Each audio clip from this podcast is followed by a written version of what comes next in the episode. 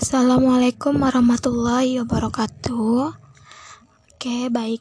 Hari ini Ibu akan uh, menjelaskan mengenai prosedur akuntansi transaksi ekspor bill collection. Jika sebelumnya kita telah membahas atau kita telah pelatihan tentang SKBDN, tentang LC. Nah, itu posisi kita adalah sebagai bank yang menerbitkan letter of credit. Atau bisa dibilang uh, kita sebagai bank dari si pembeli. Kali ini uh, posisi kita adalah sebagai bank ekspor bank yang mengekspor barang. Jadi uh, posisi kita adalah sebagai bank dari penjual. Oke, bill collection ini merupakan bentuk penagihan dengan cara mengirimkan dokumen-dokumen ekspor ke opening bank atau opening bank. Jadi, uh, bank dari si penjual itu mengirim dokumen ekspor ke bank opening bank atau bank yang menerbitkan letter of credit. Ada ada dua cara pencatatan uh, bill collection. Yang pertama yaitu six letter of credit. Lalu yang kedua ada usance letter of credit. Yang akan Ibu bahas yang pertama adalah six letter of credit. Jadi, uh, letter six letter of credit itu mengacu pada dokumen yang memverifikasi pembayaran barang atau jasa dibayarkan setelah disajikan bersama dengan dokumen yang diperlukan. Jadi LC6 ini melibatkan tiga pihak yang ter termasuknya ya, pembeli, bank penerbit, dan penjual. Jadi uh, secara tersiratnya bahwa six letter of credit itu bank pembeli akan membayar ketika dokumen-dokumen ekspornya sudah dikirim. Nah dikirim ke pihak bank pembeli ya baru bank pembeli akan membayar kepada bank penjual. Dan bank penjual meneruskan ke pen, bank penjual meneruskan kepada pihak penjual Oke, di dalam buku sini uh, Ibu bacakan ya. Yang pertama kan satu dokumen penagihan atas dasar six letter of credit. Apabila pihak bank yang berada di dalam negeri melakukan penagihan kepada pihak bank yang berada di luar negeri atas hasil ekspor nasabahnya. Jadi uh, bank yang ada di dalam negeri itu adalah bank dari penjual atau bank yang uh, mengekspor barang. Terus uh, menagih kepada pihak bank yang ada di luar negeri. Nah, pihak bank yang di luar negeri itu adalah bank dari pembeli atau maka pada saat pengiriman dokumen ke bank koresponden di luar negeri harus dilakukan pencatatan atas outgoing collection pada memorandum dokumen kepada bank koresponden yaitu bank penerus. Terus pencatatan atas outgoing collection itu sama aja dengan inkasso keluar. Memorandum itu maksudnya nota ya. Adapun maksud pencatatan e, tersebut yaitu untuk memonitor atau untuk memantau penyelesaian dari outgoing collection tersebut.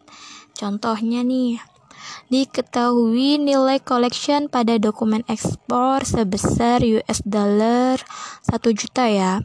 Di bukunya kan tulisnya tuh 1000, itu harus 1 juta. Berdasarkan hal tersebut, maka jurnalnya sebagai berikut. Jadi, jurnal untuk pencatatan uh, dokumen ekspor uh, senilai 1 juta US dollar itu adalah yang pertama debit. Debit inkasso keluar memorandum debit US dollar sebesar 1 juta. Kontra inkas kreditnya kontra inkasso keluar memorandum kredit 1 juta. Oke, Inkaso adalah sebuah layanan bank untuk penagihan pembayaran atas surat atau dokumen berharga kepada pihak yang ada di dalam negeri maupun yang ada di luar negeri.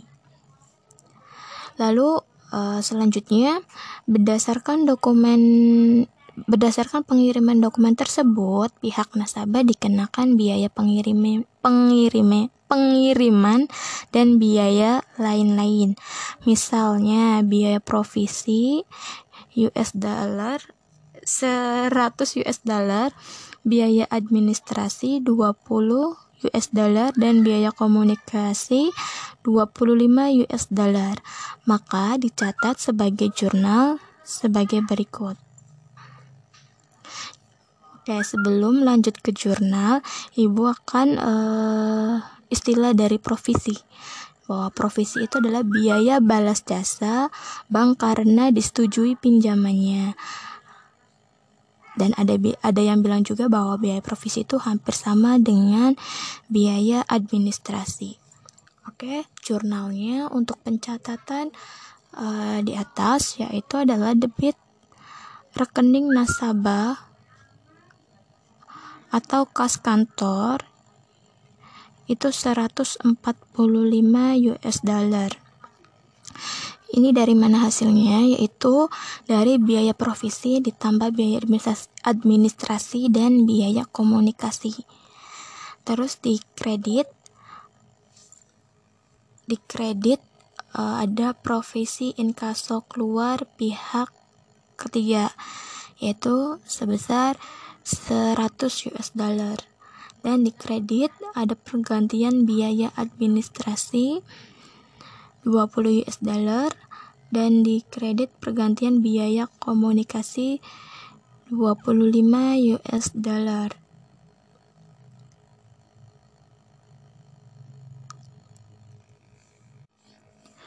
Oke, lanjut pada uh, seterusnya yang di bawahnya. Apabila pada saat menerima pemberitahuan pembayaran outgoing collection dari bank koresponden melalui facsimile perihal pengkreditan rekening Nostro atas pembayaran ekspor, maka pihak bank akan melakukan penjurnalan sebagai berikut. Bank koresponden itu bank yang menyediakan layanan atas nama lembaga keuangan lain dengan fasilitas yang sama atau tidak sama. Intinya bank koresponden itu bank yang uh, sebagai penerus. Terus uh, melalui Veximal perihal pengkreditan rekening Nostro. Rekening Nostro itu rekening atau valuta asing suatu bank yang ada pada bank koresponden yang ada di luar negeri. Nah, akun tersebut dicatat dalam mata uang negara tempat bank koresponden tersebut berada dengan nilai lawan dolar Amerika Serikat untuk ini pencatatannya adalah di debit perantara Transfinance sebesar 1 juta US dollar dan di kredit rekening nasabah 1 juta US dollar. Perantara trade finance ini adalah fasilitas yang diberikan untuk membiayai kegiatan perdagangan debitur yang berkaitan dengan transaksi perdagangan luar negeri. Di sini rekening nasabahnya uh, dikredit sebesar 1 juta US dollar berarti ini ya bahwa pembeli pihak pembeli sudah membayar maka rekening nasabahnya sudah berada di kredit atau bertambah. Oke, lanjut ke bawah.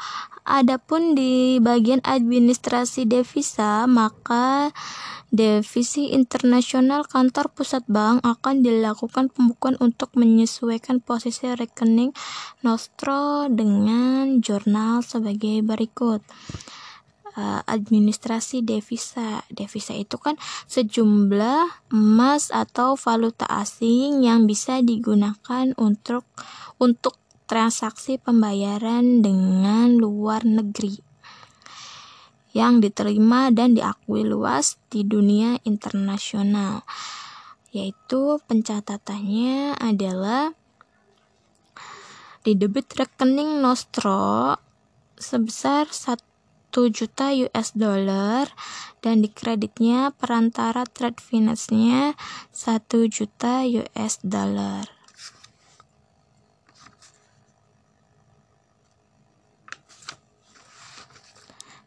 Apabila semua tagihan sudah selesai, selanjutnya dilakukan penihilan rekening uh, memorandum inkasa keluar dengan jurnal sebagai berikut. Jadi ini tinggal membalikkan uh, jurnal yang pertama ya. Yaitu di debit kontra inkasa keluar, memorandum keluar atau ya 1 juta US dollar dan inkaso keluar memorandum debit di kredit 1 juta US dollar. Oke, selanjutnya Ibu akan membahas mengenai uh, pencatatan yang kedua ya, yaitu dengan insurance letter of credit atau usance letter of credit. Jadi dalam ini uh, dalam kontrak asuransi jadi dalam pencatatan ini ya, itu dalam kontrak asuransi operator biasanya meminta perusahaan yang diasuransikan untuk memberikan jaminan sebagai sumber daya yang paling umum diterima adalah letter of credit surat berharga dengan uang tunai bank yang mengenakan biaya untuk pengeluaran letter of credit dan perusahaan yang membayar biaya ini.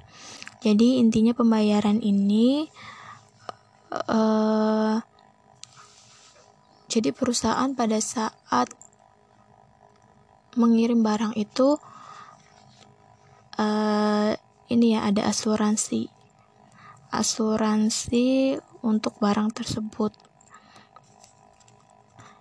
Intinya bahwa dari pencatatan ini itu ketika melakukan transaksi itu harus ada asuransi yang menjamin uh, yang menjamin barang tersebut. Oke, dalam mekanisme letter of credit, apabila pihak bank di dalam negeri melakukan penagihan kepada pihak bank yang ada di luar negeri atas hasil ekspor nasabahnya.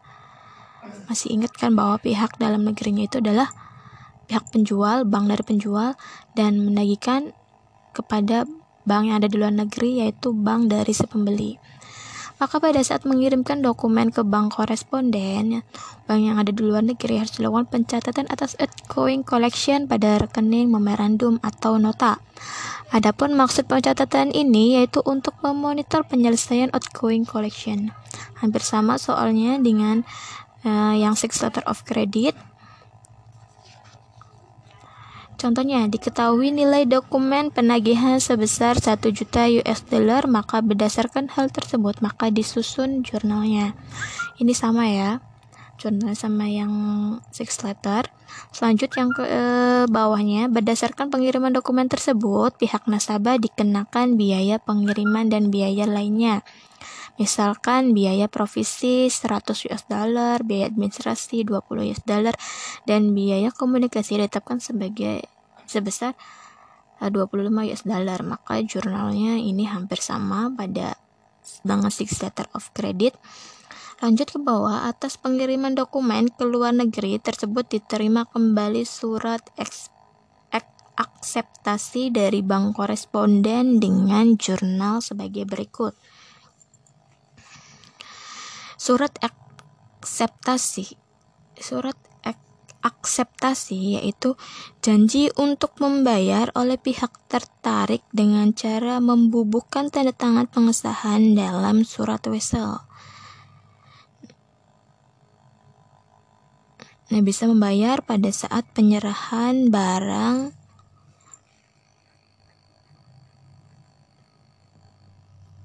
barang sudah dikirim. Maka jurnalnya adalah tagihan akseptasi kepada accepting bank sebesar 1 juta US dollar. Yaitu bank pentransfer ya. Accepting bank itu adalah bank pentransfer. Kreditnya yaitu kewajiban akseptasi letter of credit ekspor pihak ketiga jadi tagihan akseptasi itu tagihan kepada bank lain yang timbul sebagai akibat perjanjian pembayaran. Nah, ini hampir sama aja ya dengan seperti wesel tagih. Jadi kan wesel tagih kan wesel yang dapat ditagih kepada perusahaan lain yang memiliki utang kepada perusahaan kita. Nah, wesel tagih ini adalah dokumen piutang yang dikeluarkan oleh perusahaan lain yang belum bisa membayar pada saat penyerahan barang terjadi. Adapun semua tagihan surat diselesaikan, maka dilakukan penihilan memorandum inkaso keluar dengan jurnal sebagai berikut ini hampir sama dengan yang six. Nah ini yang membedakan. Adapun ketika menerima pemberitahuan pembayaran dari pihak bank koresponden melalui notifikasi email perihal pengkreditan rekening Nostrum atas pembayaran proses ekspor, pihak bank akan melakukan pembukuan dengan jurnal sebagai berikut. Hampir sama ya, uh, hampir sama yang membedakan cuma hanya penempatannya aja dan pada saat uh, ininya aja pembayarannya. Pada jurnal ketiga yang membedakan uh, ya jurnal ketiga yang membedakan antara six dengan insurance.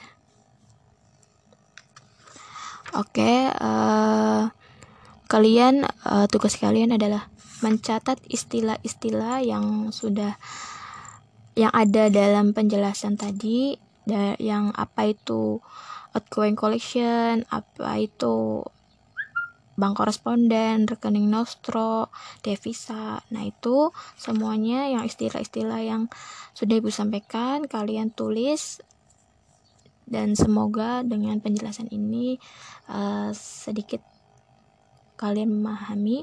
Biasa tugasnya dikirim uh, tugasnya kerjakan yang uh, apa sih namanya uji kompetensi satu yang belum kerjakan ditunggu sampai pukul 12 dan tugas yang ini juga tugas istilah-istilah yang kalian catat juga ditunggu sampai pukul 12 Oke, terima kasih. Assalamualaikum warahmatullahi wabarakatuh.